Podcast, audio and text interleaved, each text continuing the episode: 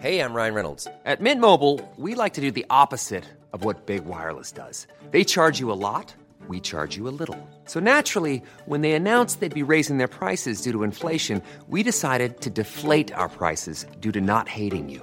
That's right. We're cutting the price of Mint Unlimited from $30 a month to just $15 a month. Give it a try at mintmobile.com slash switch. $45 upfront for three months plus taxes and fees. Promo rate for new customers for limited time. Unlimited more than 40 gigabytes per month. Slows. Full terms at mintmobile.com.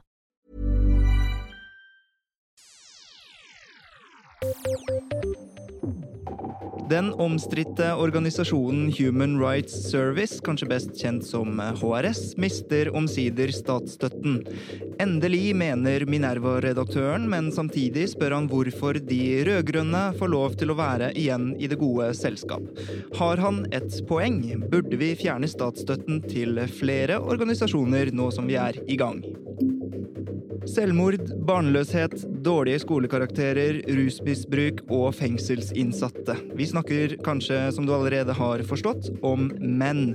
På alle disse områdene topper de hankjønnede statistikken. Er menn blitt taperne i samfunnet?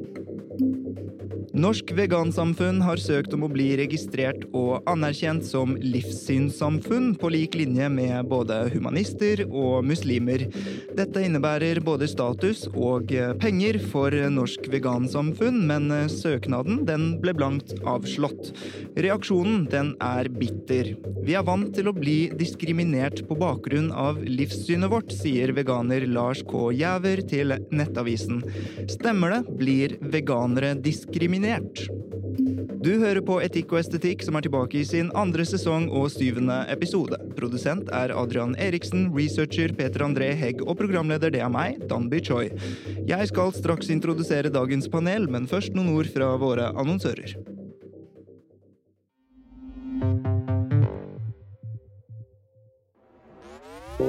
Vil du og din institusjon være synlig der hvor publikum leter etter hva som gjelder akkurat nå? Nå kan denne reklameplassen bli din.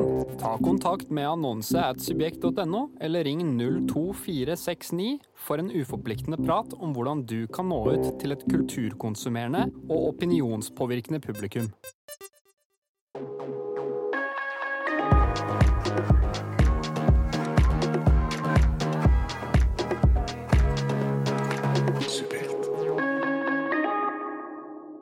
Med meg i dagens studio har vi to like omstridte som spennende samfunnsprofiler.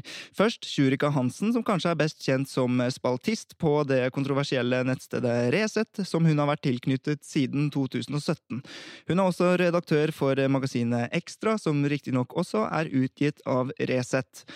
Shurika Hansen kom til Norge som flyktning fra Somalia som tolvåring, har en bachelorgrad i sosiologi fra Universitetet i Sørøst-Norge, og har dessuten gitt ut bøkene Min kamp for frihet og kjærlighet for Norge og Islam, sannheten om Muhammed og hans religion. Utover å skrive bøker og spalter for Resett har hun vært en kritisk stemme mot islam, sosial kontroll, koran koranskoler og æreskultur. I senere tid har hun tatt avstand fra islam og anser seg nå som en eksmuslim. Velkommen til deg, Shurika Hansen. Tusen takk. Du sitter fremdeles og gjør research her i studio. Um, det skulle være en annen gjest her i dag, vi nevner ikke navn, men vedkommende meldte seg av etter at vi fortalte at du skulle komme. Nå kan vi ikke konkludere med det, for det er jo ikke nødvendigvis derfor vedkommende ikke kommer, men har lignende skjedd med deg før?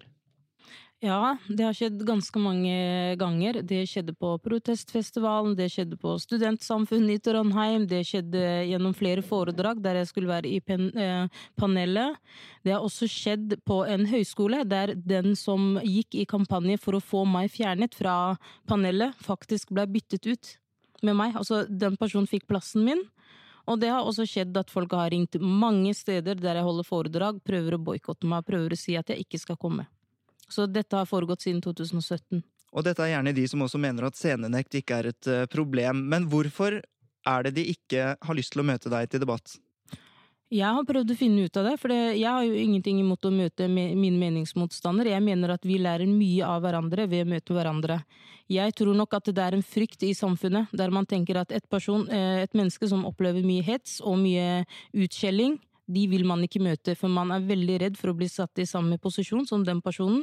Så de som nekter å møte meg, jeg vil ikke kalle de feige, har, de har min største medfølelse.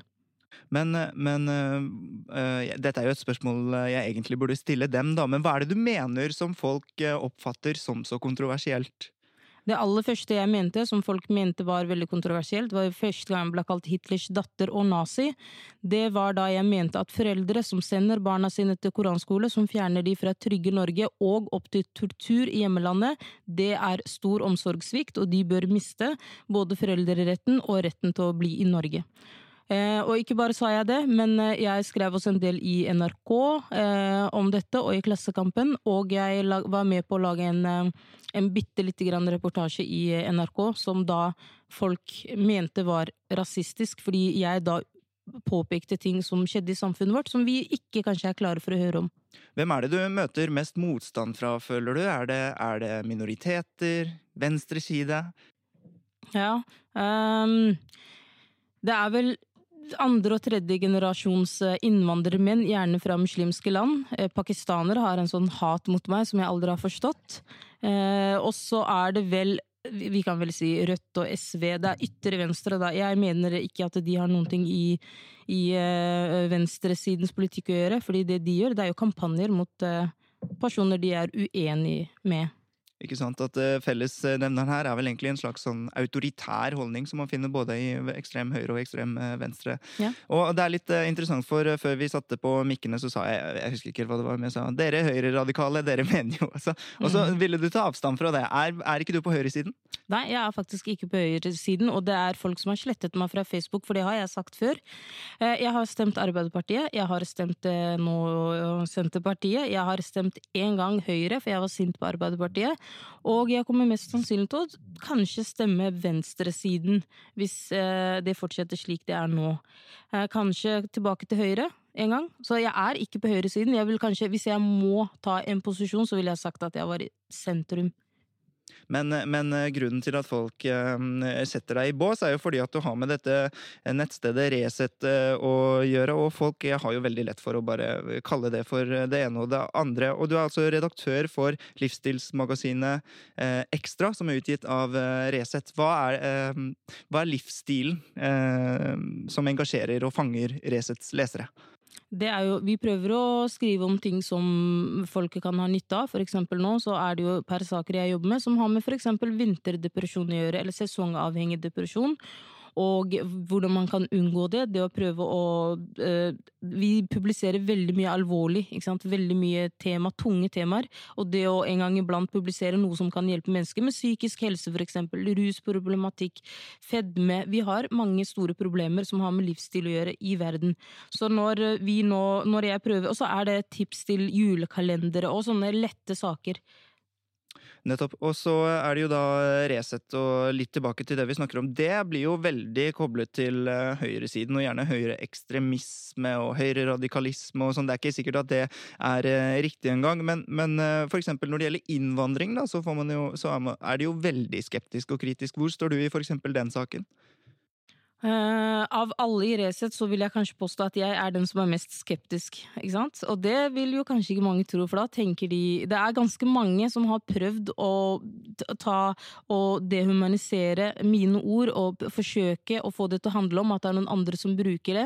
det, det altså bruker mine ord for en egen agenda. og Det er det mest rasistiske noen har sagt til meg. Det er at jeg ikke engang skriver mine egne saker. Det er Helge da som skriver de sakene, og så publiserer han med navnet mitt i også, ikke sant, det er nesten som å kalle husneger, som jeg har blitt kalt, og onkel Tom. Som de forsøker å legge på. Så jeg er ganske kritisk til innvandring av veldig mange grunner. Jeg mener at vi har store problemer i Norge med integrering. Vi har koranskoler, vi har omskåring av jenter, vi har tvangsekteskap, vi har eh, jenter som sliter så psykisk, vi har jenter som aldri får kommet seg ut. Vi har store parallellsamfunn i Norge og segregering.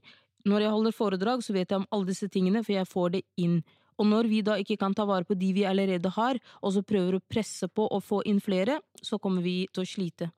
Mange vil nok tenke at eh, når du har såpass eh, ikke-innvandringsliberale, men innvandringsskeptiske holdninger, så er det på høyresiden. Men f.eks. for eksempel i Danmark så har jo de, de har jo innført type Europas strengeste innvandringspolitikk, og der er det jo en Mette som er eh, statsminister, en sånn mm. Arbeiderpartiets eh, søsterparti i Danmark. Og de har for øvrig også ødelagt høyresiden. Masse stemmere på høyresiden gikk til venstresiden mm. fordi hun strammet inn på innvandring. Så skjønte jeg hm, kanskje faktisk ikke at innvandring må være en mm. venstresidesak, da. Ja. At det faktisk kan være en Nei, høyresidesak. At det kan være på begge sider.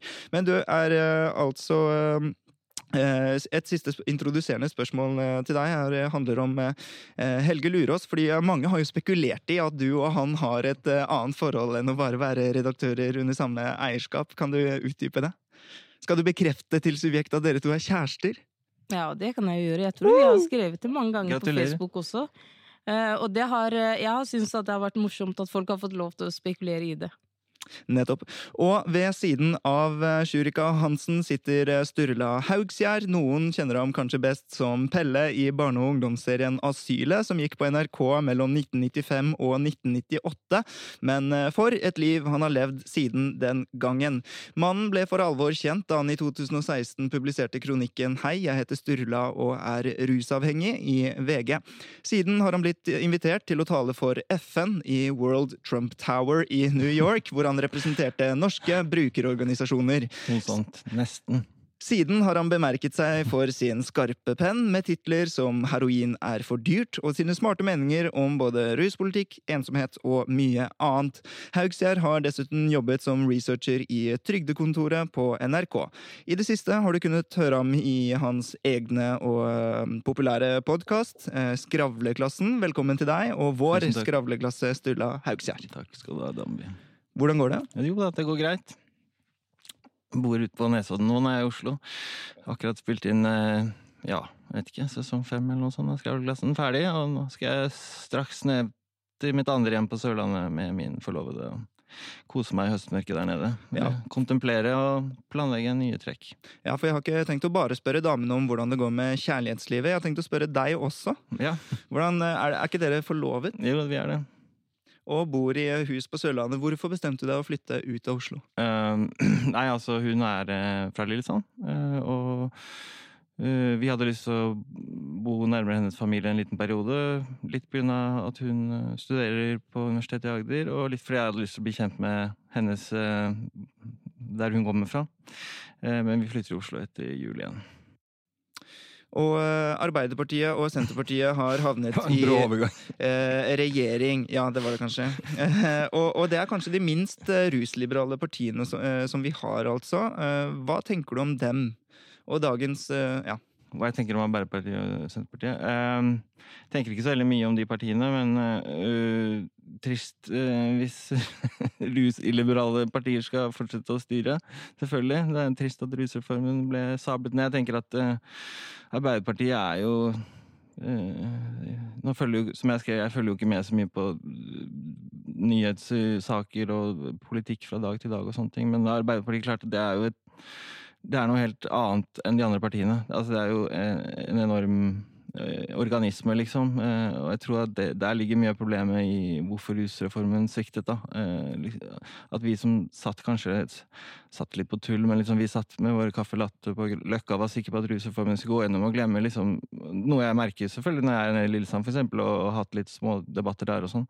At det er ganske Norge er et langstrakt land, og ideer beveger seg ikke så fort som man kanskje skulle håpe. Og spesielt i et sånt uh, juggernaut-system som Arbeiderpartiet, med masse uh, koblinger til avholdsforeninger og fagforeninger og alle mulige slags små og store foreninger over hele Norge, uh, som liksom skal representere da, på en måte arbeiderklassen. Jeg vet ikke hvor relevant det er i dagens 2021, men jeg tror kanskje det er litt av problemet, da. At jeg har sikkert sagt det til det kjedsommelige, jeg følger ikke sånt the minutia, som det heter på engelsk, Nei. i rusdebatten så veldig nøye.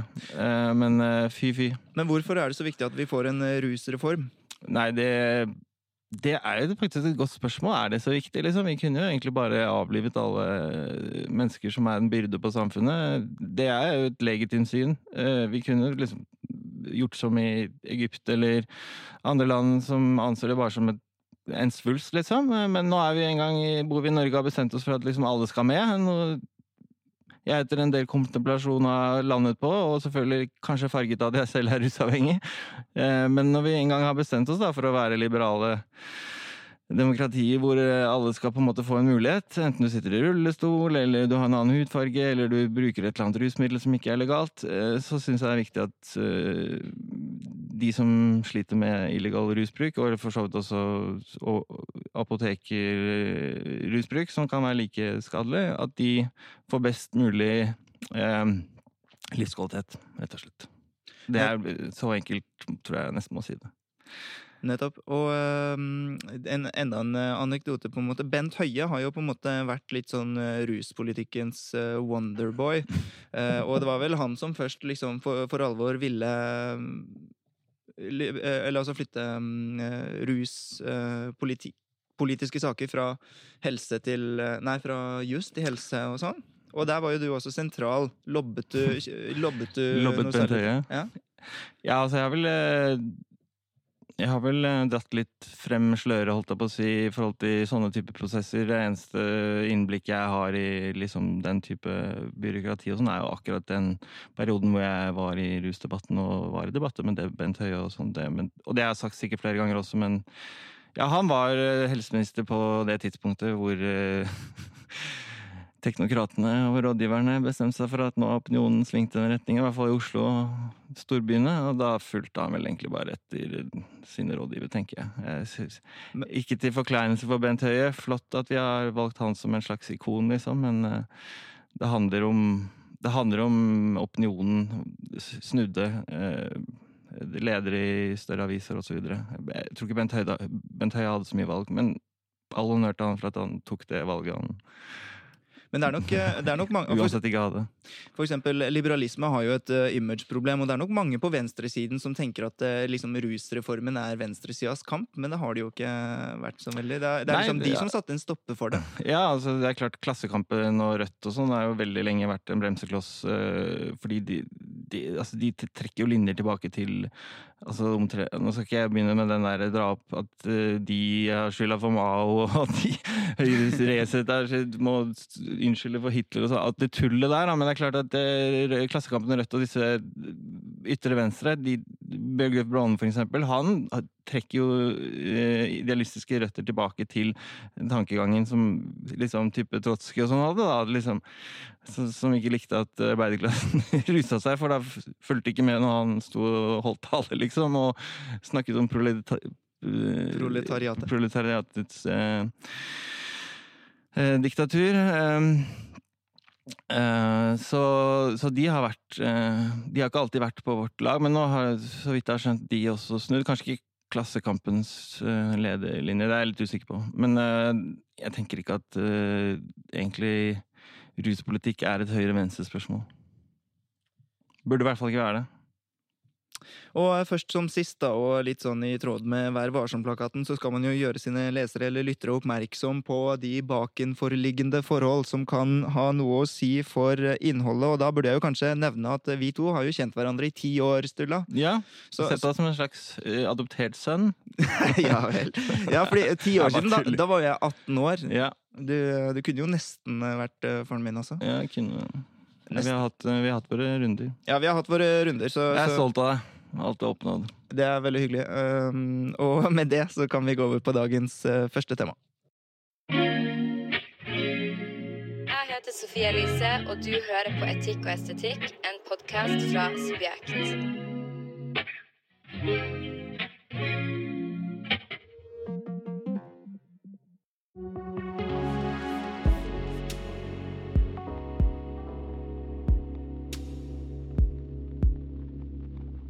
Den omstridte organisasjonen Human Rights Service, kanskje best kjent som HRS, og ledet av islamkritikerne Hege Storhaug, mister omsider statsstøtten. Et av hovedargumentene er at HRS citat, 'arbeider mot et av statens formål', citat slutt, nemlig inkludering. Men hva med de rød-grønne organisasjonene, spør Nils August Andresen i Minerva, og fortsetter. Det finnes flere statsstøttede organisasjoner på venstresiden som arbeider mot statens formål. Minerva-redaktøren peker da særlig på Natur og Ungdom, som til og med fremmet et klimasøksmål mot staten. Har han et poeng, bør vi fjerne statsstøtten til flere organisasjoner når vi først er i gang, Shurika Hansen. Ja. Og du, Sturle Haugsgjerd? Å, å, herregud eh, Jeg vet ikke eh, Nei. Og hvorfor sier du ja, kyrka Hansen? Vi ønsker jo mediemangfold i Norge. Vi ønsker ikke at det skal være politisk eh, bak de valgene som blir tatt. Og hvis Natur og Ungdom også har vært skyldig i det samme som dem, så bør det være mer rettferdig, syns jeg. Men uh, nå er det jo også sånn at uh, eh, HRS har jo ikke bare um, De har jo trådd veldig feil flere ganger også, eller vil du kanskje være uenig i det? Jeg er uh, helt enig i at de har trådd feil mange ganger. Og jeg er ikke alltid enig i måten de gjør ting på. Jeg er heller ikke enig i retorikken som blir brukt ganske ofte, og i hvert fall det fokuset på muslimer som en gruppe. Det, der er jeg helt uenig med dem i, men jeg mener likevel at de har rett til å mene de tingene der, og at de tilfører en mangfold. Men hvis de eh, da er så viktige, kan de ikke bare finansiere seg selv? Må, må de få ja, Det klarer de jo nok nå, for nå har de jo fem millioner på bok. Så, og de har spart. De har visst veldig lenge at uh, så fort de rød-grønne kom i makten, så kom de til å miste statsstøtte. Så de har en krigskasse, som det heter, på fem millioner. I tillegg til det så vet de nøyaktig hva de gjør med å publisere alle disse artiklene, at vi har mista støtte, alle er imot oss. De mobiliserer sine velgere. Så de har sikkert mye mer eh, penger på bok nå, etter at de har mista statsstøtten. Så de 1,8 millioner, er det det der? De kommer nok til å doble de pengene i løpet av kort tid. Men eh, vi, spørsmålet er altså om man, eh, nå som man først er i gang med å fjerne statsstøtten til flere organisasjoner, burde man da fjerne til flere? Eh, fordi at sist gang HRS sitt, sin støtte var diskutert, så endte det med at Frp klarte å beholde støtten, mot at Venstre forhandlet seg til at andre organisasjoner skulle få mer eh, som balanserende tiltak, eh, på en måte. Eh, synes du eh, det er en bedre idé, eller at man skal gi flere, eller at man skal frata flere? Jeg syns man skal frata flere, og det vil jeg faktisk argumentere med at eh, hvis man sier at de ikke eh, bidrar til samholdet, eller hva var det de mener, inkludering, så har vi moskeer, vi har koranskoler der barn blir slått, der barn blir lært opp til at de ikke skal være en del av Vesten, der jenter blir holdt nede, og der mennesker må leve i et parallelt samfunn. Alle disse moskeene får statsstøtte. Alle de får eh, en fripass til å gjøre akkurat det de vil. De får lov til å fortelle sine troende at de ikke trenger å være en del av det norske samfunnet. Så hvis vi skal snakke om eh, og, sånn, uh, inkludering, så er det mange andre som ikke akkurat bidrar med inkludering. Du er altså uenig, Sturla. Hvorfor det? Han vil bare være uenig med meg. Nei, var jeg uenig med deg? Å oh, ja. Nei, det var ikke meningen. Du vet hva. Eh, om de skal ha statsstøtte eller ikke, disse organisasjonene. Jeg, jeg kjenner ikke disse støtteordene. Jeg ønsker selvfølgelig som alltid å løfte diskusjonen litt høyere. Eh, det korte svaret er at jeg er for mest mulig pluralisme og mest mulig meningsmangfold. Om folk skal få betalt av staten for å mene Og alle disse argumentene med at ytringsfrihet er ikke det samme som retten til å få publisert kronikker og sånne ting. det ja, Disse debattene kan dere ta. Eh, de vet ikke jeg så mye om, men det jeg tenker er at eh, det som jeg syns er interessant her, det er jo liksom den litt større debatten om det liberale prosjektet. Eh, jeg leser en bok nå, apropos du er jo koreaner, av Origin. Eh, Monica Kim, eh, en bok som heter Interrogationer, som handler om eh, den psykologiske krigføringen som foregikk i avhørsrommene under Koreakrigen. mellom på en måte de to blokkene, da, altså de liberale siden, altså de amerikanerne, som forsøkt å bombe verden inn til eh, liberalt demokrati. Eh, men i den perioden eh, Også da selvfølgelig mot kommunistsiden.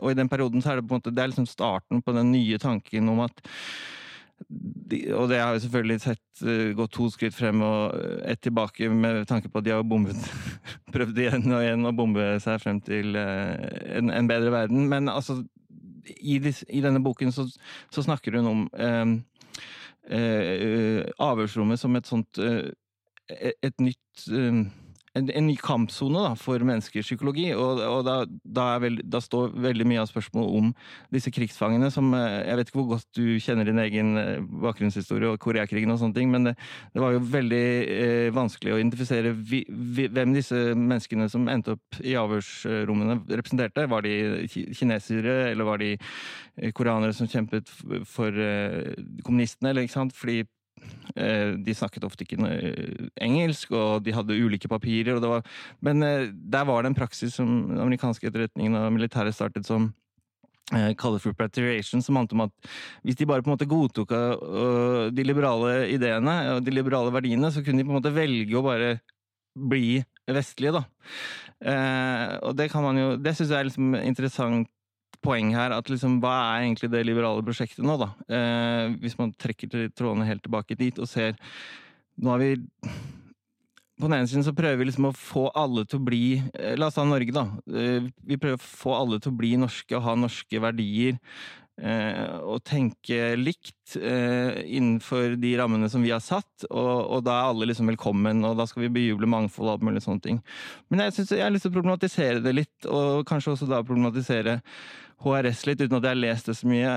På en litt annen måte enn den vanlige kritikken om at de er rasister og anti uh, muslimer og alt det der, men at uh, hvor er det de Hvilken rolle har de i det prosjektet, på en måte? Fordi jeg, jeg føler det liberale prosjektet er sånn Og det har jo både Fukuyama og flere påpekt, at det er liksom i in decline. da, er Noen ganger mangler jeg de norske ordene, altså, men for, fordi det, den konformiteten og det ensakssamfunnet som vi ser nå, spesielt nå i korona, så ser vi at Norge begynner å bli mer og mer ensrettet i meningsmangfoldet.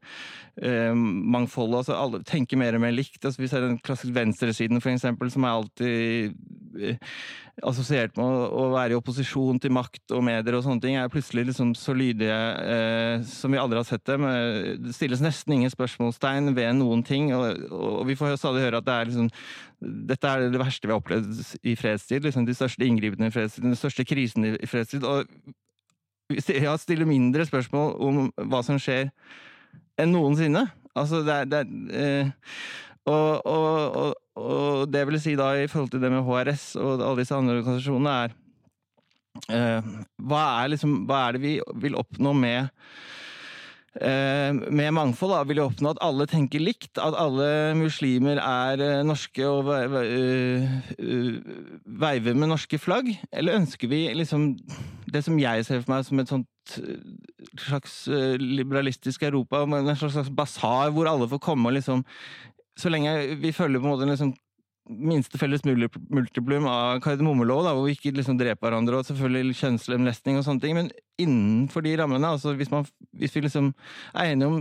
de, så vil jeg ha mest mulig ja. bredt spektrum, da. Og det er der jeg føler HRS er litt sånn Hvor man kan ha en enkel regel om at min frihet slutter der din begynner. Jo, ikke sant? Altså, men, vi... men, HRS og, og, blir jo anklaget for ikke å ville ha mangfold, samtidig som de som støtter dem, bruker også mangfold som argument. Ja, fordi at HRS sant, bidrar jo med et mangfold i sitt syn, på en måte, i, sin, ja. uh, i sitt syn på innvandring. Og, og de føler seg jo som, ikke sant, som, som, som ytringsfrihetsmartyrer, på en måte. De sier det som det er. Og på den andre siden så snakker man om at de ikke vil ha mangfold, siden de er så skeptiske til mm, Ja, og det er noe i begge de argumentene. Jeg, det, det, er liksom det, det, det denne podcasten, ja, Jeg merker at denne podkasten går veldig fort for meg. Jeg er vant til to-tre timer, så jeg, jeg bruker litt tid på å snakke. Men altså jeg vil ha en kardemommelov, selvfølgelig. Jeg vil ikke ha kjønnslemlesting. Jeg vil ikke ha liksom, uh, at folk oppfordrer til vold og sånne ting. Jeg tenker, Vi kunne sikkert kommet inn på sosiale medier og hvordan det på en måte fører til ekkokammer og, og, polarisering og alt det der. Jeg, men det, det, det, får bli til en annen debatt. Men innenfor de rammene at folk liksom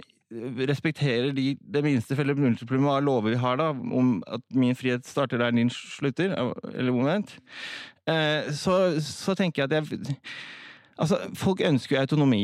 Eh, nasjoner ønsker autonomi. Det ser vi også nå. Liksom, veldig mange er jo redd for hva som skjer i Øst-Europa sånn, med sånne typiske demokratiske gåsehudene, valgte autokrater i Ungarn og Polen og sånne ting. Men det er en del av en større trend hvor folk Folk ønsker nødvendigvis ikke å ha liksom tredd den A4-konformismen som det liksom vestlige liberale demokratiet som Jeg tror det er Fukuyama som alltid bruker Danmark jeg, som er eksempel på den perfekte staten liksom, hvor alt, gjøres riktig. Folk ønsker liksom ikke å få det tredd over hodet, selv om kanskje liksom objektivt sett er bedre. Altså, så må man selvfølgelig diskutere hva er altså Det blir filosofi, da, men eh, folk ønsker ikke å få det tredd over hodet. Polen og Ungarn ønsker å være Polen og Ungarn. ikke sant? Og Jeg skjønner at folk er skeptiske og redde for sånne type autokrater. og det, det, skal vi selvfølgelig være, men samtidig så må vi sånn som Den vestlige liberalistiske prosjektet har blitt sånn arrogant, da. Eller alltid vært det, kanskje. På den måten at vi liksom Vi vet best. Eh, vestlige verdier, menneskerettigheter og sånne ting, det er universelle goder som er best for alle. Det er liksom Jeg, jeg, jeg tenker at vi trenger, vi trenger å, å ja, vi trenger å ha liten sånn, tenke litt høyt rundt det, da. Fordi det, ja, nei, vi skal ikke ha muslimer her som kommer og planter bomber og, og, og lemlester kvinner. Nei, det er selvfølgelig, men så hvis de ikke gjør det, på en måte, så skal vi liksom tvinge det inn i en sånn norsk boks på alle skal bli Abid Raja? Nei, jeg vet ikke, jeg tror ikke jeg har lyst til det. Jeg tror jeg har lyst til liksom en stor sånn basar hvor alle står og roper, inkludert Hege Storhaug og Natur og Unge. Alle står og roper i, i kor, og så er det liksom beste ideen som vinner. Og så lenge de ikke begynner å slå hverandre i hodet, så er jeg fornøyd. Så, hvis, du, hvis, det ga mening. Ja, eh, jeg eh, leser at eh, du har et liberalt perspektiv på det, og at du mener at det er rom for at vi bør tåle såpass som HRS. Ja, men samtidig så er jeg vel Ja, jo. Men, men Jeg skal ikke krangle på det. Eh, det sies eh, at HRS eh, Et av hovedargumentene mot HRS da, er jo på en måte at de ikke har fått til det de skulle heller. Og i lys av dette så argumenterer Nils August Andresen også ganske bra, og egentlig ganske såkalt relativistisk. da. Han viser til organisasjonen, organisasjonen NOAH som får statsstøtte. Og hvor ble det egentlig tiltakene for dyr og natur? Norges kulturvernforbund, som han mener står på stedet hvil for kulturvernet. Naturvernforbundet får støtte, og naturen er jo også samtidig glemt i statsbudsjettet bistandsbudsjettet. Plan Norge, som får eh, bistandsbudsjettet ehm, eh, Han mener at det må ha høyere ambisjoner. Røde Kors eh, og Norsk forening for fartøyvern og Norsk friluftsliv, ingen av de får til egentlig liksom det de sier at de skal være, da. Så, så spørsmålet er kanskje om man skal bare kutte alle disse og så få dem til å jobbe selv. Ja. På eget budsjett. Sure, Altså, da er det jo Det er som å være en søskenflokk på åtte, og så er det én som gjør noe galt, og så blir alle straffet. Ja. ja. Og det er jo urettferdig, ikke sant? Så hvorfor Hvis det er en pott, og det er mye penger, så bør alle bli behandlet likt på den måten at de får like mye penger, eller ut fra hvilken behov de har. Men jeg mener jo at argumentene for å kutte støtten til HRS er egentlig ganske dårlige når de andre, de andre argumentene der kommer frem, og at jeg mener fortsatt at dette er politisk motivert. Det har overhodet ingenting med HRS som personer. De har vært ute etter denne støtten lenge, og nå hadde de muligheten. Ja, det virker jo jo faktisk litt eh, Det virker jo veldig politisk motivert. Og hva, hva skjer egentlig da? Man, man, det, altså det, avhenger veldig av hvilken eh, regjering vi har, mm. hvilke organisasjoner vi får. Men, men skal vi eh, skal, hva skjer da? Blir det ikke bare til at eh, man finansierer det som støtter statens politikk, eh, på en måte? Det Eller det som eh, støtter vårt syn på verden. Og det er jo der jeg kommer inn og mener at vi, vi, trenger det mangfoldet. Man trenger ikke være enig med HRS i noen ting, men man trenger de sakene som de tar opp på en helt annen måte. Vi er mange som har um, ment mye av det samme som HRS, og det jeg frykter akkurat nå, er at samfunnet blir enda mer polarisert, fordi de kommer nå til å ta en posisjon i samfunnet samfunnet, der de da blir martyrene som har ofret seg for mye hele tiden. Og når man har martyr, så har de veldig mange følgere også, og det er jo det er motsatt av det vi ønsker. Vi ønsker å møte de med motstand og med argumenter, ikke utestengelse. Eksempel Natur og Ungdom er jo da en organisasjon uten penger, og de jobber jo eh, stort sett liksom mot oljebransjen og Equinor osv. Eh, mm. Blir det ikke riktig da at man faktisk statsfinansierer en sånn organisasjon, og så kan det jo faktisk hende at Equinor da blir nødt til å svare bedre på spørsmål, og at oljenæringen blir bedre, og at de blir faktisk grønnere og alt mulig sånn. Altså, burde vi ikke tåle den typen uh, kritiske, statsstøttede organisasjoner også? Jo, selvfølgelig. Men man, man, skal ikke bare betale for, uh, for, god oppførsel, uh, man skal også kunne betale for kritikk, for det er jo på kritikken man vokser, og får et helt annet syn på ting enn det man er mest komfortabel med. Og det virker som om vi egentlig stort sett er enige. Ja, altså jeg kan ingenting om disse statsstøtteordningene, men uh, vi har nå engang sånn system i Norge hvor folk får penger eh, av staten. Og så kan man diskutere det. Så det, Nils August var jo kanskje skeptisk på et mer prinsipielt grunnlag om hele systemet er bortkastet. Men liksom innenfor de rammene så tenker jeg at jeg, jeg, jeg ønsker liksom bare, jeg ønsker bare mer pluralitet. Jeg, ønsker altså jeg syns det er så trangt eh, det, og, og kjedelig, ikke minst. Liksom, altså, det, er jo en av grunnene til at jeg sluttet å lese avisa. Så det er så kjedelig. Alt, alle mener det samme. Eh, og jeg helt ærlig beklager, uh, Shurika, altså det jeg har sagt også andre ganger, at mitt største problem med Resett er at det er kjedelig. Eh, altså, det, det, er, det, det er for konformt, på en måte, innenfor, innenfor liksom den boksen de holder på. da.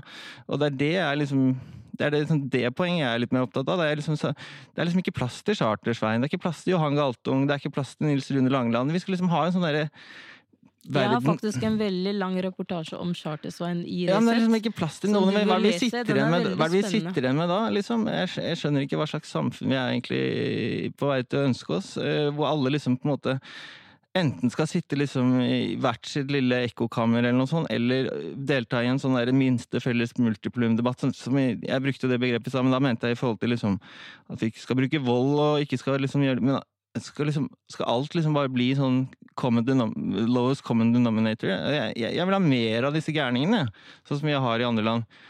Da må du snakke med Og jeg skulle ønske venstresiden Resett var mer eh, radikale, liksom, i hvert fall i liksom, sitt uttrykk. Da, på en måte. Jeg syns det er konf- konform tone. Liksom. Altså, Drit i hva de mener. Ja, du er det- første som sier at det er en konform tone der. ja, det er, jeg synes, jeg synes- Men altså, og bestekompisen min fra barndommen jobber jo der. Han skriver jo interessante ting, det syns Ja. jeg. Men eh, jeg syns liksom største problemet med alt fra Resett til VG liksom, er at det er, alt er bare dønn likt. Liksom. men, det er jo, men da skjønner du sant, hvor viktig det er å faktisk gi støtte til de som er eneste jeg abonnerer på, det er Frankfurt og Frankfurter Allgemeine Zeitung.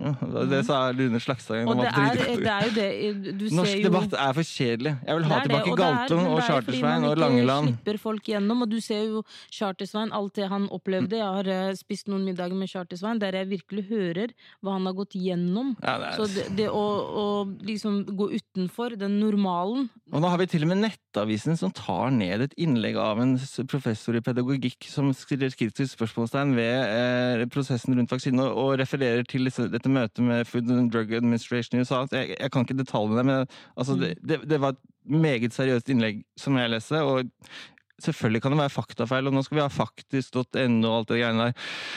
Eh, men liksom, Ja, så skal de ta det ned istedenfor å liksom, eh, ta det opp da, og, diskutere. Ok, kanskje han tar feil, og kanskje han ikke liksom, Men dette Mm. var Jeg snakker ikke om liksom en sånn totalt klin gæren Alex Jones som skriver noe om 5G-master og sånn. Dette var en professor i pedagogikk som stilte noen spørsmålstegn basert på liksom det han, hans eh, hans eh, måte å tenke på, liksom epi epistemologi. Han så på det på den måten og, og, og stilte spørsmålstegn ved eh, lockdown og vaksiner. og sånn. Dette ble tatt ned av Nettavisen. Altså, liksom, var, var ikke hele poenget med Nettavisen at de skulle Eller Damby, hva, var- hva var poenget med Nettavisen? Nei, jeg, tror de også De er jo også en medieavis, og, og, og de Ja, syns det sikkert er veldig farlig og Så skummelt å til Hilde Samvik som sitter med styrepapirene, nå må du få styr og orden på det igjen. Ja, men, eh, men pressen til. har et veldig stort eh, press på seg, og i hvert fall når det gjelder vaksineskepsis. Og, og og, og siste poeng i dette her er liksom, det vi ser selvfølgelig når, når, når, eh, når media blir så liksom strømlinjeformet Nå setter jeg selvfølgelig på spissen, det, folk blir provosert når jeg sier at racet er kjedelig og konformt, men det, når alt blir liksom så Når vi ikke har plass til disse med liksom fargerike tenkerne, som tenker til men Thomas Dylan Eriksen har klaget på dette her. Liksom. Men kan man han- kalle HRS for en fargerik tenker? De gjør så mye harry og feil. Altså, de, Ja, det er kanskje. Jeg har ikke lest dem. Men eh, de, kanskje de er fargerike. Det, hadde det vært veldig interessant, det som sto, tror jeg hadde nådd mitt, nådd mitt øre på et eller annet tidspunkt. Så det, jeg, jeg stiller meg en tvil. kjører veldig mye repeat. Så Ja, det, det, er, det virker veldig. det er veldig mye av det samme hele tiden. og så blir de tatt i faktafeil hele tiden. Og Ja. så, og så jobber liksom staten med at eh, jo, det er ikke en uviktig jobb, det. At innvandrere og muslimer og alle skal føle seg litt sånn hjemme. Og så er det plutselig en statsstøttet organisasjon som liksom ikke driver med liksom ordentlig eh, eh, islamkritikk. Men jeg føler alt skal... det, det er bare litt sånn, det, De gjør alt feil. ja, det kan godt hende. Men jeg syns alt liksom skal bli sånn der, hva det heter, greenwashing og whitewashing og så Det, videre. det er, tror jeg vi er tre veldig Ja, og enige det om. er sånn, jeg, før jeg, Dama mi spør hvorfor kjøper du ikke sånn YouTube uten reklame. Eh, for det er så mye digge. Vi ser jo selvfølgelig mye på YouTube. Eh, og så sier jeg nei, men jeg, det er mitt lille vindu inn i hva som foregår, disse dumme reklamene som kommer. ikke sant? Det, er, det er en reklame jeg har bitt meg merke i som kommer hele tiden, som er fra Soft Flora. Har dere sett den? Hvor en sånn liten jente står og disser en eh, hvit middelaldrende mann. liksom, er, sånn, er, det, er du klimavennlig, liksom? eller noe sånt, Og så er poenget at ja, men se, jeg har Soft Flora, det er natur, plante Og så spør hun null bullshit. Ja, null bullshit. Og det er liksom, det er så, det er så på nesen. Det kunne liksom vært Greta Thunberg som spurte Joe Biden liksom, er det for real det dere driver med, liksom? Eller er det kapitalisme i ny drakt?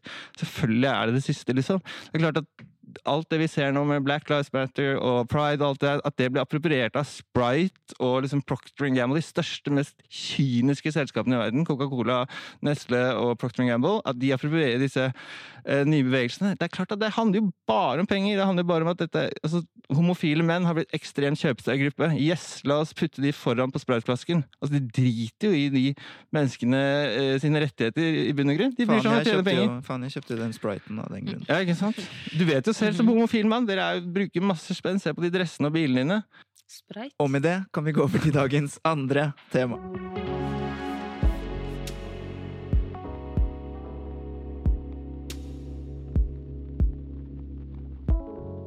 Selvmord, barnløshet, dårlige skolekarakterer, rusmisbruk og fengselsinnsatte. Vi snakker, som du kanskje allerede har forstått, om menn. På alle disse områdene så toppes listene av de hankjønnede. Er menn blitt taperne i samfunnet, Sturla Haugsgjerd? Nei! Og du, Sjurika? Ja. Hvorfor sier du nei, når jeg nettopp har vist til all denne Det er, litt, statistikken? det er litt for å provosere igjen. Eh, Det er fordi jeg vil svare at taperne er taperne. Og det er det som, sånn har det vært i tusen år. Altså, de som er nederst ved bordet, er, fortsetter å være nederst ved bordet. Eh, Og det spiller egentlig ikke noen rolle hvilken hudfarge eller kjønn eller legning man har. Eh, de, og det er kapitalismens logikk. Igjen, jeg er, jeg, jeg er langt ytterst på venstre på veldig mange områder. jeg jeg tenker at taperne er å forbli taperne, og nå er de i større grad menn. Eh, Så spørsmålet, svaret er jo selvfølgelig på mange måter ja, Men, men, men for eksempel når, når psykologer og eksperter sier at eh, menn er Gutter har ikke den biologien til å sitte stille på en skolebenk Nei, nei, hele dagen, og, og derfor får de dårligere karakterer Ja, ja. på skolen. De har mer De må bevege mer på rumpa, ja, liksom. og, dette, ja, og dette her, eh, dette her eh, binder seg sammen med alt det vi snakket om i stad, med det større narrativet om at liksom, samfunnet bare blir mer og mer konformt og kjedelig. Allerede for ti år siden så drev vi og diskuterte dette når vi jobbet Trygdekontoret i research-sammenheng, liksom om liksom psykologistudiet var og 90% flinke puggejenter og, og sånne ting. Og liksom, ok, så er det et feministisk argument der, det skjønner jeg, men altså hva er det vi får for et samfunn da? Da vi, nå, nå har vi eksempel et samfunn eh, som jeg har opplevd eh, fra Blå Kors, som jeg har nevnt mange ganger. at liksom eh, Menn av etniske minoriteter i rusbehandling, de har jo ingen å snakke med. For alle, alle behandlerne er jenter som kommer rett ut fra sosionomi og psykologistudiet, som er 22 år og liksom bare leser Sophie Elise, og de, vet ingenting om deres virkelighet. Du svarer eh, annerledes, Sjuruka Hansen, men eh, det er nå sånn at eh, nesten alle ledere i eh, vestlige samfunn er menn. Hvorfor eh, mener du at menn er blitt taperne i samfunnet? Det er jo de faktaene som du nå påpekte. I tillegg til det så vet vi jo at to av tre som tar eh, selvmord, er menn. Eh, Og eh, under 25 er det der de er mest representert. Ikke bare det er de også skoletapere, men i psykiatrien så har vi også mange, jeg vet ikke om dere har lest den lange rapporten Den mannlige smerte, der det forekommer veldig, veldig mye vold. Der kvinner og menn var likestilte når det gjaldt vold. Og der når man når en mann prøver å, å spørre om hjelp, så er det mye tyngre enn når en kvinne gjør det. Så veldig mange av mennene som jeg leste om der, som var sjokkerende for meg, var innvandrermenn som opplevde vold i hjemmet, som ikke da turte å si fra. Mange av de mennene var livredde for å bli sendt tilbake til hjemlandet, eh, eller at de selv skulle bli eh, beskyldt for volden. Og så er det et annet tema der som heter omsnuing, eh, der kvinnen faktisk snur om situasjonen, der, der hun på en måte utfører volden, utfører trakasseringen, fordi mange av oss tenker at eh, når det er vold, så er det en som slår hardt. Vi har psykisk vold, vi har materialvold, vi har utskjelling, vi har eh, masse annet som kvinner gjør mot menn. Vårt samfunn har vært veldig, veldig veldig likestilte på mange områder, men ikke på det området der. Du mener at vi har vært litt tolerante mot eh, annen type vold eh, Ja. fra kvinner mot menn? Det har vi. menn? Og når statistikken og forskningen viser at eh, ja, eh, menn slår hardere, ja. Men volden er faktisk likestilt. Kvinner slår like mye som menn. Kloring, lugging eh, Er, er, dette, er dette vi eh, forsket på? Det er forsket på. Den heter Den mannlige smerte. heter den eh, forskningen. Den Jeg tror det er forskning på lugging. jeg, Da. Det det har vært Nei, men eh, det er, ikke sant, så, og så er det materiale skader. Det er også vold. Når en kvinne knuser en mann sin ting. Og så er det det at det er, vi er mer tolerante for den eh, og sympati. Fordi kvinner da har eh, offer, eh, mon, altså monopol på offerrollen. Og det må vi snu på. For hvis vi forteller flere gutter og menn at det faktisk er greit å si ifra om slikt, så vil vi gjøre det mer åpent for dem. Men mener du det vil være hensiktsmessig å problematisere det litt sånn som eh, menn og kvinner og sånn? Nå sier jo Sturla at eh, taperne, de er taperne, og så vil det jo være mange tilfeller hvor det slår annerledes ut. Menn tjener for eksempel mer, har oftere lederstillinger, de har færre og mindre forpliktelser hjemme ofte. Kvinner er mer syke og flere ofte uføre. Ja. Kan man ikke Men kan, da må vi se på hvorfor det skjer, da. Man kan ikke bare si at en mann er en mann, og derfor fikk han en Men lederstilling. jeg må bare skyte inn der. Ja. Altså, det argumentet der med at menn tjener mer. Ja, selvfølgelig. Men altså, det, en fattig mann i, på 1800-tallet, en fattig mann på 1900-tallet, en fattig mann i 2021 ja, han Mm. får jo ingenting glede ut av at en annen abstrakt mann et annet sted tjener ti millioner. Altså, Nei, men greia er jo at det- menn er i mer lederstillinger, for vi kvinner velger annerledes noen ganger. Når jeg eh, hadde mine barn, så valgte jeg å jobbe 50% Det går langt utover mine pensjonspenger, men dette var noe jeg valgte selv. Pappaen deres jobbet 100% og jeg var da hjemme med dem på dagen. Så dette, det har noe med at vi må akseptere at menn og kvinner er det. Og når kvinner vil ha lederstillinger, så er det ingenting her i verden, i hvert fall ikke i Norge, som diskriminerer oss. Nettopp. Og, og, og det er morsomt det du sier, Sturla. Eh, Subjektspaltist og filosof eh, Pål Henrik Hagen sa det at eh, jeg kjenner mange rusmisbrukere og mange alkoholikere som lå på dødsleiet, og det var i lys av systematisk rasisme og sånn. så Jeg er i hvert fall glad jeg er Men- mann, for det, men i- ja, noen av oss tjente 20 millioner en eller annen gang. Ja, ingen, av, ingen av dem liksom sa på dødsleiet at heldigvis var jeg i hvert fall en hvit mann. Ja, ikke sant? Ja, det blir helt absurd. Og disse, disse kategoriene som vi skal dele inn i nå og sånt, og, og, igjen, jeg må bare, eller ikke igjen, men jeg må bare liksom virkelig gjøre klart at selvbestemt abort og alle disse fremskrittene som har blitt gjort, er fantastiske. Vi må ikke glemme det. Men altså denne evinnelige oppdelingen i kategorier som er helt abstrakte eh, jeg, jeg, Men hvordan skal man ta eh, tak Hvordan skal man slukke flammen ved bånd hvis man ikke tør å si det er et mannsproblem eller et Jo da, man kan godt si at det er et mannsproblem, og så, og så bruke det som en inngang for å, for, å, for å gjøre livene til folk som ikke har det bra, bedre. Eh, Det er ikke imot det, hvis det kan være på en måte en strategi, men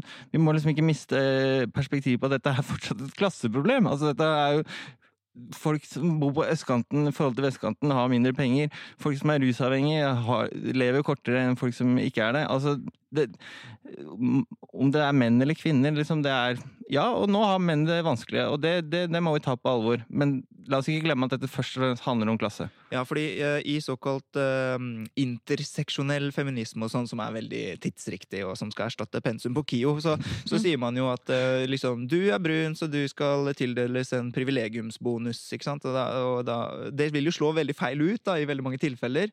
Eh, så det er kanskje ikke eh, løsningen her eh, nødvendigvis. Nei, det er jo ikke det. Og jeg er veldig imot dette her med at man skal eh, bli favorittisert for å faktisk få hjelp. Altså, det skal være rettferdig samfunn. Ja, fordi Men spørsmålet her er jo skal man for eksempel kvotere inn menn da på, på Eller skal man kvotere inn kvinner Nei, jeg, kvotering er bare tull, ikke sant? For det, det, Nei, er, det er ikke nei, det er likt arbeid. Og så er det Hvis en mann har lyst til å bli sykepleier, vær så god. Det, Men det bør tilrettelegges for at menn faktisk finner de arbeidene mer attraktivt. Jeg skjønner jo den sykepleierlønna, at veldig mange menn kanskje tenker at de ikke vil det. Og så er det arbeidstidene, og så er det eh, den tiden det tar. Eh, nå ble jeg jo cancelled, da, fordi at jeg siterer Jeg er, jeg er i ferd med å tror jeg sitere er enn deg jeg er i ferd med å altså. sitere Jordan Peterson, og han sa noe veldig interessant på Jeg tror det var Skavlan. At liksom forskjellen uh, psykologisk Den største forskjellen, sier han, og han er psykolog, mellom menn og kvinner, er at uh, kvinner er mer interessert i personer enn de er i ting. Og menn er mer interessert i ting enn de er i personer. Og selvfølgelig, blant de fleste, så vil ikke den forskjellen være veldig stor, but amongst the extremes, blant de ekstreme, så vil det være store forskjeller. Så blant ingeniører, de som er veldig interessert i ting, vil det naturligvis være masse menn. Og blant sykepleiere så vil det naturligvis være masse kvinner, og det er blant de extremes, da, når du er enten ingeniør eller når du er sykepleier, på en måte. Eh, hva skal man gjøre med det? Skal man, eh, er, det, er det et poeng at man skal ha for eksempel flere menn i sykepleien? Jeg kan jo tenke meg at eh, eh, Eller eh, det er samme for meg, men kanskje noen mener at man vil eh, ha en eh, av samme kjønn, da, som lege eller psykolog. I hvert fall psykolog. Ja, det tror jeg akkurat i det tilfellet så er det et poeng, eh, men da er jeg sikkert litt bias som kommer fra rusbehandling og ser liksom at vi, vi er 28 menn fra Oslo øst og vest og Vietnam og Somalia, liksom, og vi trenger å snakke med eh, Altså Bare for å ta det eksempelet igjen, men disse mennene fra spesielt Somalia og Vietnam, som kanskje er de vanskeligste gruppene i rusbehandling eh, altså, det- er liksom én psykolog i hele Norge som har kompetanse på, på den problemstillingen de står overfor. Eh, Og de, han tar 2000 kroner timen, så vidt jeg har skjønt. Eh, liksom, og det, det de får tilbudt, er en dame som kommer rett ut fra, som sagt, ikke, ikke til forkleinelse for unge, flotte damer som eh, eh, studerer sosionomi og psykologi, men de, de, de kan på en måte ikke snakke det språket og møte disse menneskene på en måte som er, er relevant. Altså, jeg, du sier at kvotering er feil. Ja, nei, altså, jeg er litt usikker. eh, Kvotering gir jo fordeler som da blir fratatt andre. Det er ja, det jeg det spørs jo hvordan det implementeres, selvfølgelig. Jeg skal Ja. ikke gå sånn inn i det Ja, og, og, hvor viktig, og hvor viktig det, Det er viktig at vi har f.eks. psykologer som er menn, øh, og somalske menn og vietnamesiske menn, øh, eller rusbehandlere, og det er viktig at vi liksom har i de menneskeyrkene øh, folk som kan speile de, de som trenger hjelp, fordi de kan identifisere seg med hverandre. Da. Og det, er- er- du nevnte jo Jordan Peterson. Jeg tror det er litt av grunnen til hans popularitet, er jo liksom at folk, veldig mange unge menn som står uten kjæreste, står, altså apropos dette ensomhetsgreiene som jeg holder på med, ikke sant? det er jo veldig, det er en grunn til at jeg tulla Ja. med at det er han som drikker øl gjennom pandemien. Det er jo mange menn, ikke sant? Eh, hans eh, appell handler nok ganske mye om at de ikke føler at de har noen å, å snakke med, liksom. Og han snakker på en måte til dem, og kanskje litt manipulerende, drar dem inn i et eller annet Ja, uh, men det- det- rabbit hole. Drit i det.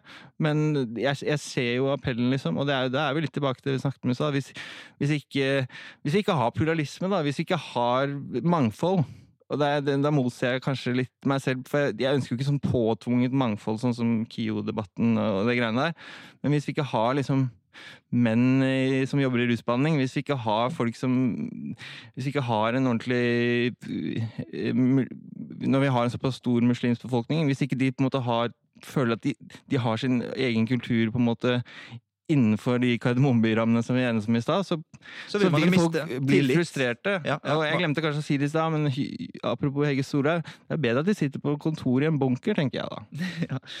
Um, når det gjelder Jordan Peterson, så har jeg lyst til å si en ting. og det er at Jeg, jeg legger gjerne fra meg den, den, um, det jeg parafraserte og siterte i stad, men, men man møter jo liksom aldri motargumenter. Man møter jo bare sånn Nei, det blir for dumt liksom bare fordi. Og så Ja. er det liksom aldri noen argumenter. Men det jeg har lyst til å si, er at uh, um, i, uh, om vi skal få likestilling i fengselet Eh, skal man spørre seg om man da skal godta mer fra menn da, og mindre fra kvinner for å oppnå likestilling? Fordi det gjør vi jo eksempel i militæret og i enkelte idretter for å få nettopp likestilling.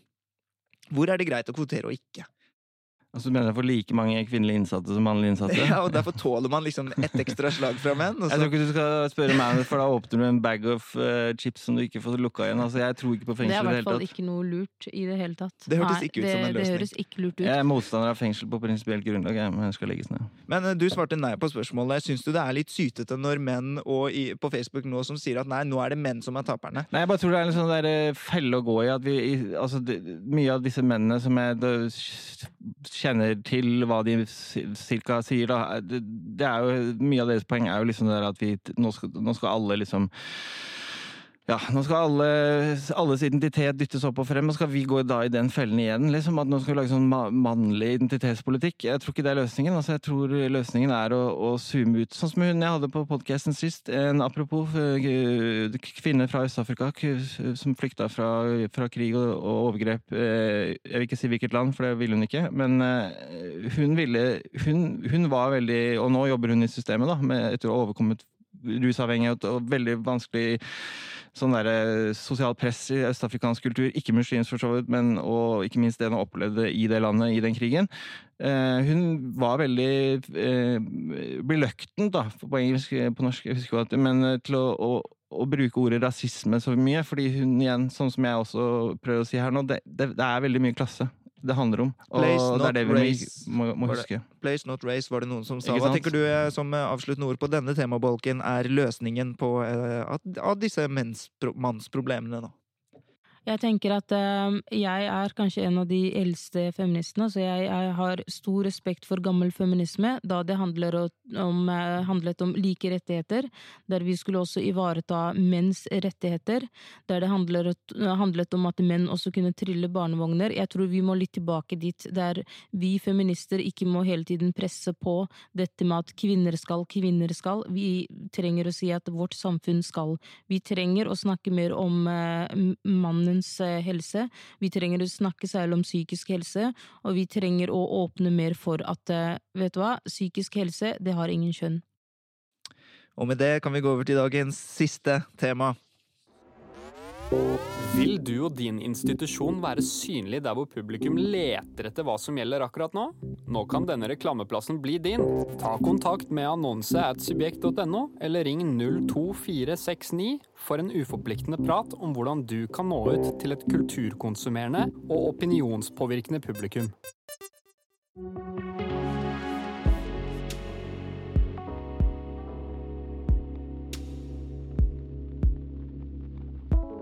Norsk vegansamfunn har søkt om å bli registrert og anerkjent som livssynssamfunn på lik linje med både humanister og muslimer.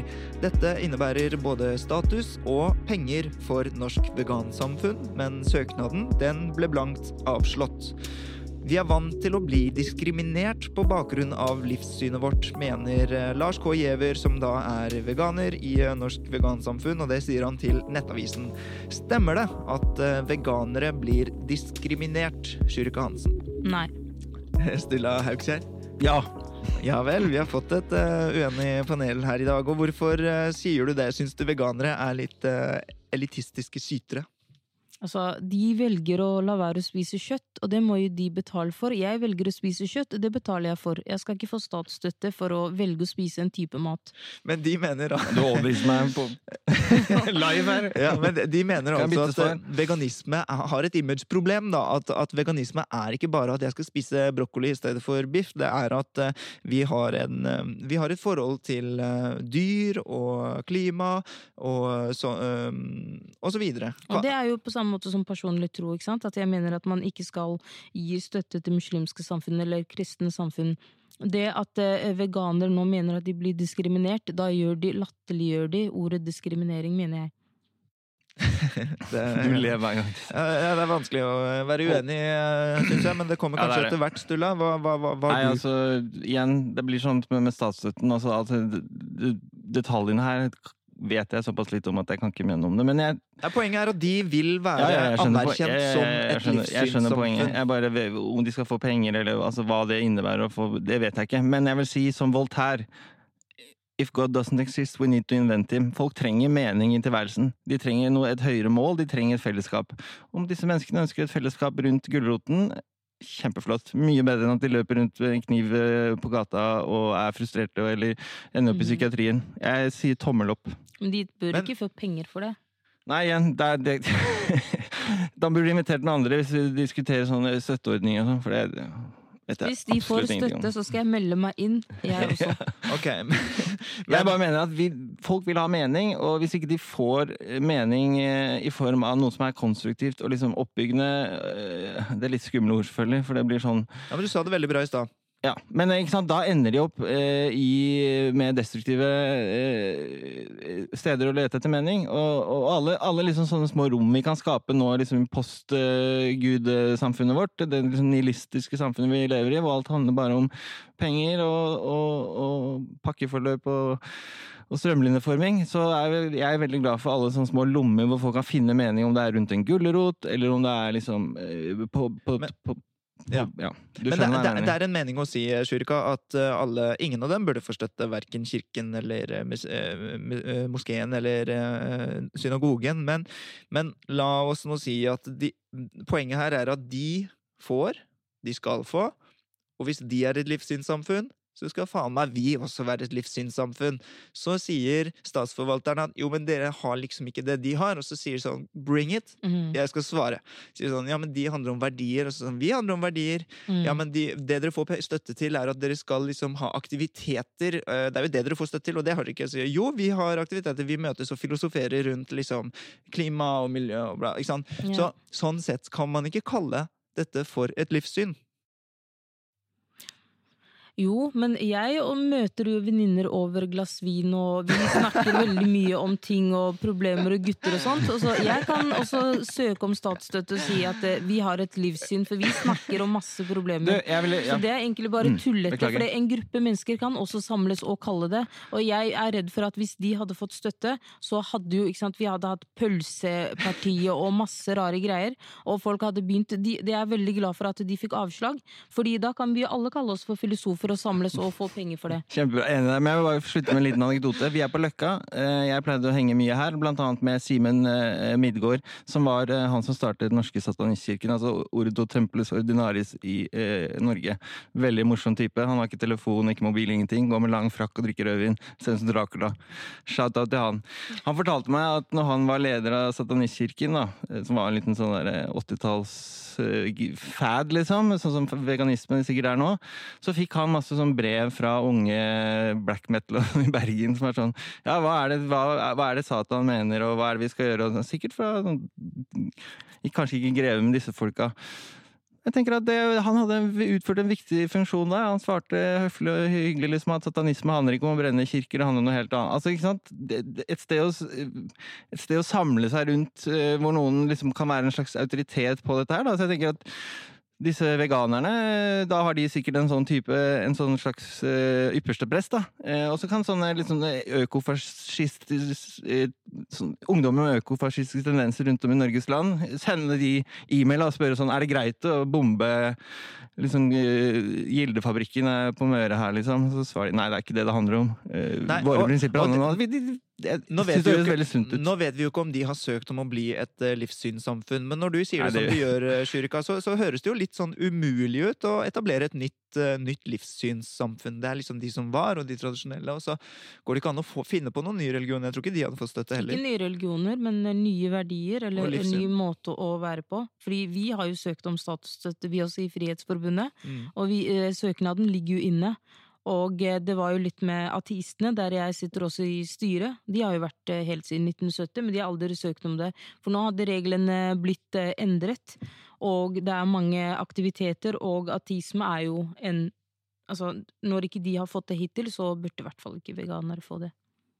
Nettopp. Og vi er uh, allerede gått over tiden, så vi Gud, det er så mye støtteordninger her. Jeg må begynne å sette meg ned her. Det er penger eh, overalt. Vi følger pengene, vi melder oss Du må lære meg at det er. Shurika. Jeg Jeg trenger noe spenn. Altså. Jeg Ja. spiser faen meg Vi melder oss der havregrøt hver dag. Du hører på Etikk og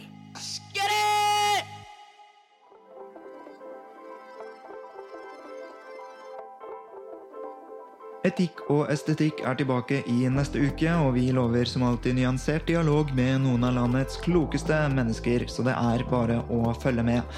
Og å følge med det gjør du ved å abonnere på Etikk og estetikk der hvor du hører på podkaster, det være seg på Spotify, Soundcloud, Apple Podcaster, Google Podcaster eller hva enn. Jeg vil også oppfordre deg til å bli medlem i Facebook-gruppen Etikk og estetikk, et debattforum hvor vi inviterer våre lesere og lyttere til å diskutere de temaene som opptar poden podden vår, og som eh, opptar subjekt, da.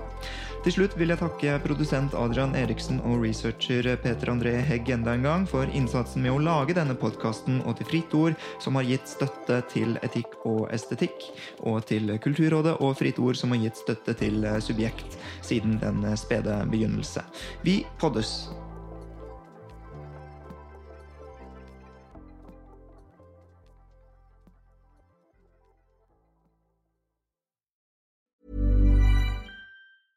Even when we're on a budget, we still deserve nice things. Quince is a place to scoop up stunning high-end goods for 50 to 80% less than similar brands. They have buttery soft cashmere sweaters starting at $50, luxurious Italian leather bags, and so much more. Plus, Quince only works with factories that use safe, ethical, and responsible manufacturing. Get the high-end goods you'll love without the high price tag with Quince. Go to quince.com/style for free shipping and 365-day returns.